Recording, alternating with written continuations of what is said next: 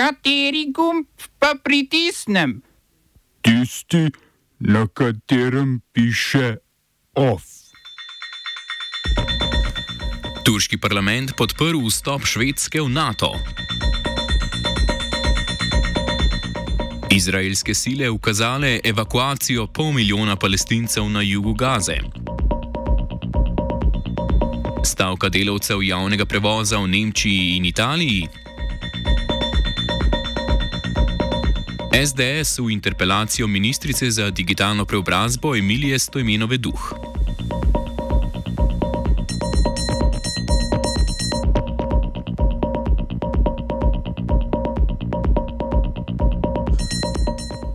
Turški parlament je podprl pristopni protokol Švedske za vstop v Severnoatlantsko vojaško zavezništvo, znano kot NATO. Ratifikacijo protokola mora podpisati še predsednik Recep Tayyip Erdogan, ki ga je parlament uradno predložil oktobra. Pristop k zavezništvu sta poleg vladajoče stranke za pravičnost in razvoj podprli še njena koalicijska partnerica, stranka nacionalističnega gibanja in največja opozicijska republikanska ljudska stranka. Turčija je skoraj eno leto nasprotovala pristopu Švedske. V zameno za ratifikacijo protokola je zahtevala izročitev članov in simpatizerjev delovske stranke Kurdistana, krajše PKK, ki so pobegnili na Švedsko. PKK je v Turčiji prepovedana in uvrščena na seznam terorističnih organizacij. Švedska vlada je popustila in spremenila temeljne zakone, da je omogočila individualno pošiljanje beguncev v roke Erdogana.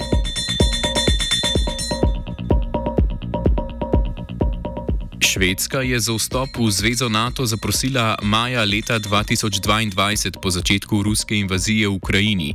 Vstop Švedske v imperialistični klub zdaj onemogoča samo še Mačarska pod vodstvom premijeja Viktorja Orbana. V njegovem Fidesu jih uradno motijo švedske kritike stanja pravne države in svobode medijev na Mačarskem. Iz Orbanovega urada so včeraj sporočili, da so na pogovor o integracijah v NATO povabili švedskega premijeja Ulfa Krister. Andersona. Toda v švedski vladi so povabilo zavrnili. Zunani minister Tobias Bilstrem pa je dejal, da ni potrebe po pogajanjih in upa na čimprejšnjo mačarsko ratifikacijo vstopa.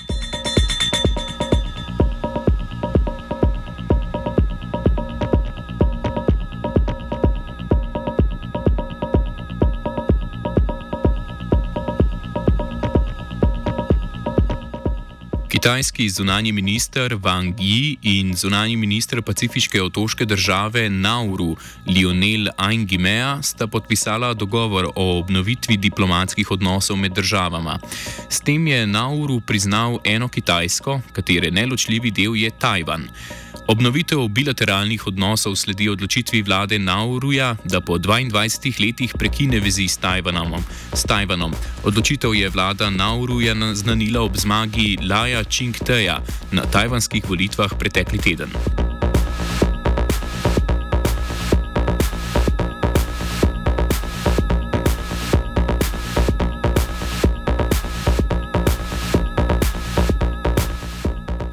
Izraelske okupatorske sile so odredile evakuacijo pol milijona palestincev iz mesta Han Yunis na južnem delu Gaze.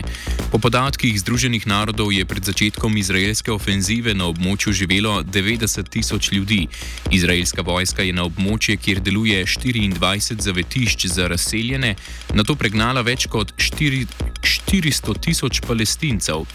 Izraelska vojska je mesto že obkolila in nadaljuje z napadi na njega. Po poročanju katarske Al Jazeera so izraelske sile v bližini bolnišnice Nasr ustrelile več ljudi, na zahodnem delu mesta pa izvajajo povečano število zračnih in topniških napadov.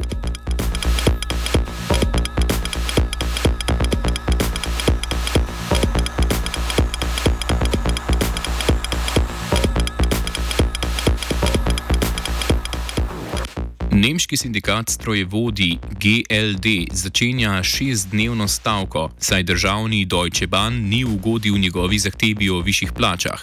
Gre za že četrto in dosedaj najdaljšo stavko nemških strojevodi od novembra. Sindikat zahteva, da se tedenski delovni čas za izmenske delavce zmanjša z 38 na 35 ur, delavci pa ohranijo trenutno plačo. Na zadnjih pogajanjih, ki so potekala novembra lani, je Deutsche Bahn ponudil enourno zmanjšanje delovnika brez znižanja plače ali 2,7 odstotno zvišanje plač pri ohranitvi 38-urnega delovnega tedna. Sindikat je obe ponudbi zavrnil.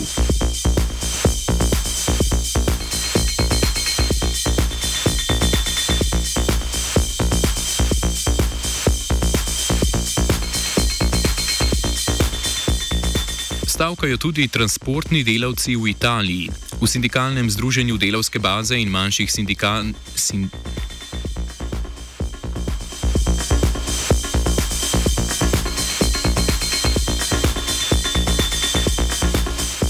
Ponovimo, da stavkajo tudi transportni delavci v Italiji. V sindikalnem združenju delovske baze in manjših sindikatih delavcev javnega prevoza so začeli enodnevno stavko.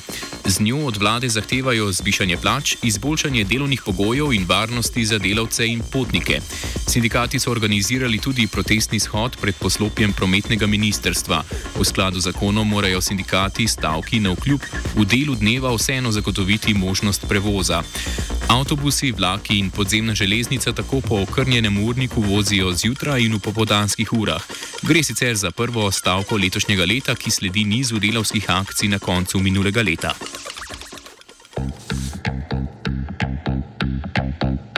Smo se osamosvojili, nismo se pa osvobodili.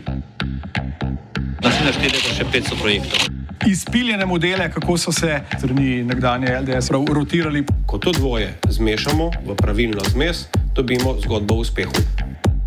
Takemu političnemu razvoju se reče udar. Jaz to vem, da je nezakonito, ampak kaj nam pa ostane? Brutalni obračun s politično korupcijo. To je Slovenija, tukaj je naša zemlja, to je Slovenija, Slovenija, Slovenija.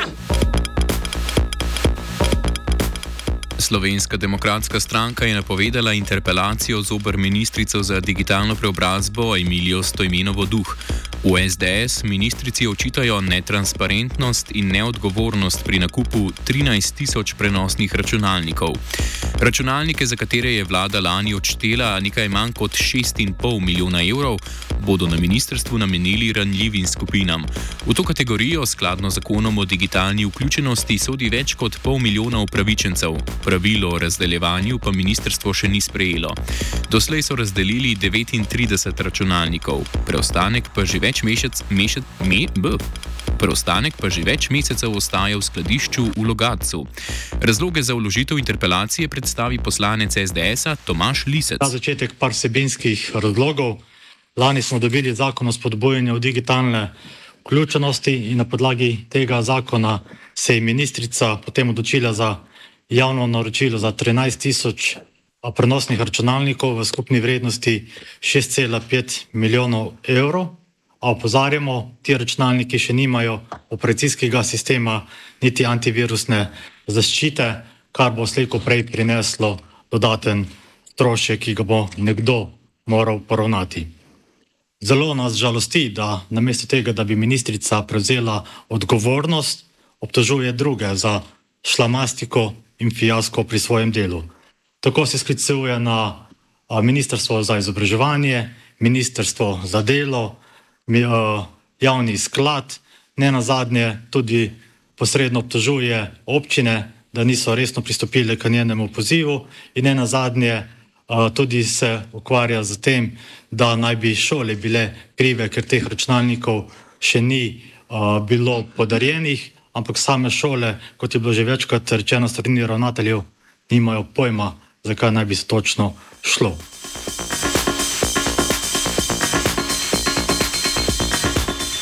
SDS to imenovi duh očitajo sklicevanje na sistemski zakon, ki predvideva mehanizem za razdeljevanje računalnikov, čeprav je rok za uveljavitev mehanizma potekel 1. januarja.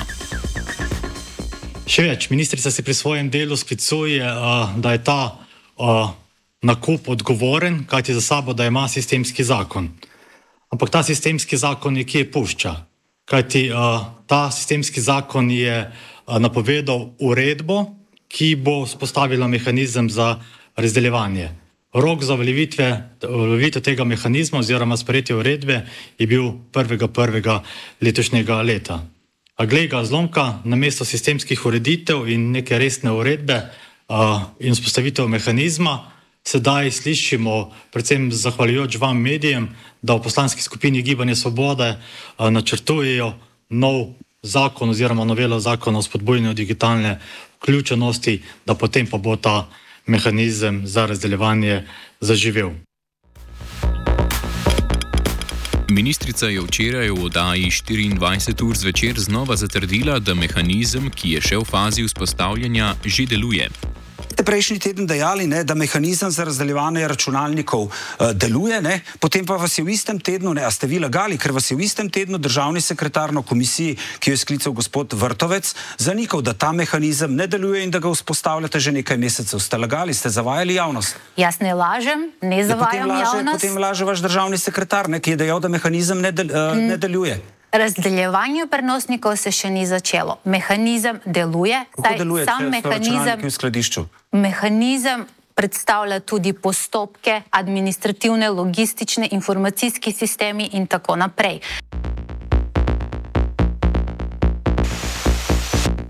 Na napovedano interpelacijo, ki jo bo največja opozicijska stranka predvidoma vložila jutri, se je Stojmenova duh odzvala z naslednjimi besedami. Jaz se jo zelo veselim, enako kot sem se veselila vašo komisijo, zaradi tega, ker smo lahko predstavili vsa dejstva. Enako kot se veselim tudi uh, pregleda na komisiji KPK, saj vsak lahko vloži prijavo in prav je, da se vlaga, če kdorkoli misli, da obstaja kanček dvoma naj organi preiščejo, s tem pri meni dvigujejo zaupanje v organi v naši državi. Sodniki zaključujejo dvotedenski protest, s katerim zahtevajo spoštovanje ustavne odločbe o sodniških plačah in s tem zvišanje lastnih plač. V času protesta, ki so ga sodniki začeli 10. januarja, so odpovedali najavljene sodne naroke. Sodni svet je tudi uložil zahtevo za oceno ustavnosti določb zakona o sistemu plač v javnem sektorju, ki zadevajo sodniške plače.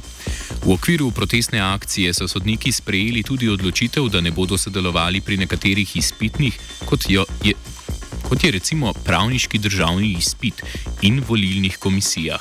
Ustavno sodišče je junija lani odločilo, da ureditev sodniških plač ni skladna z načelom sodniške neodvisnosti in načelom delitve oblasti, ker plače sodnikov niso primerljive s plačami predstavnikov izvršne in zakonodajne veje oblasti.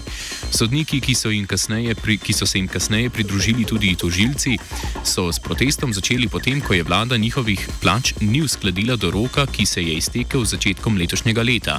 Podpredsednik slovenskega sodniškega društva Andrej Ekart je dejal, da vlada in državni zbor v času protesta nista izkazala pripravljenosti za takojšno uresničitev ustavne odločbe.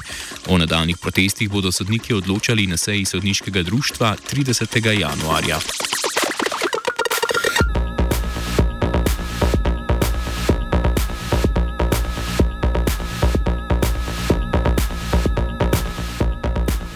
Miha Lamut ni več predsednik parlamentarne preiskovalne komisije o sumih političnega vmešavanja v delo policije.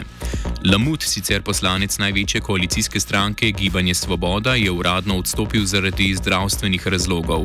Predsednik poslanske skupine Gibanja Svoboda Borut Sajovic je za novega predsednika komisije predlagal poslanca Svobode Aleša Rezarja.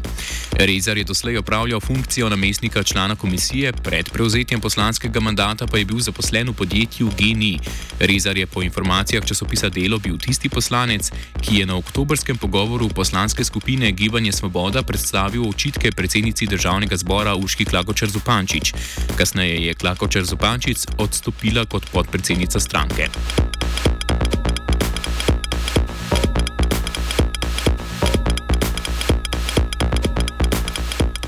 Miha Lamut je kot predsednik parlamentarne preiskovalne komisije Slovenski obveščevalno-varnostni agenciji, poznani kot SOVA, omogočil pogled v pričanje nekdanje notranje ministrice Tatjane Bobnar in nekdanjega vršilca dožnosti generalnega direktorja policije Boštjana Lindova. Zdaj že nekdani predsednik komisije je, predstav, je predstavnike SOVE na ogled zvočnega posnetka in transkripta zaprtega dela komisije povabil z namenom, da ugotovijo, ali sta Bobnar in Lindau navajala tajne podatke. S tem je Lamut v pogled v zvočne posnetke pričanja omogočil tudi direktorju Sove Jošku Kadivniku, ki bo v prihodnje prav tako pričal pred komisijo. Po neuradnih informacijah v srednjih medijev je Tatjana Bobnar na zaprtem delu preiskovalne komisije premijeju očitala, da je zahteval pre predložitev, pardon, preložitev aretacije dveh ruskih vohunov na način, da ne bi tega storili tik po trojnem referendumu predlanske jeseni.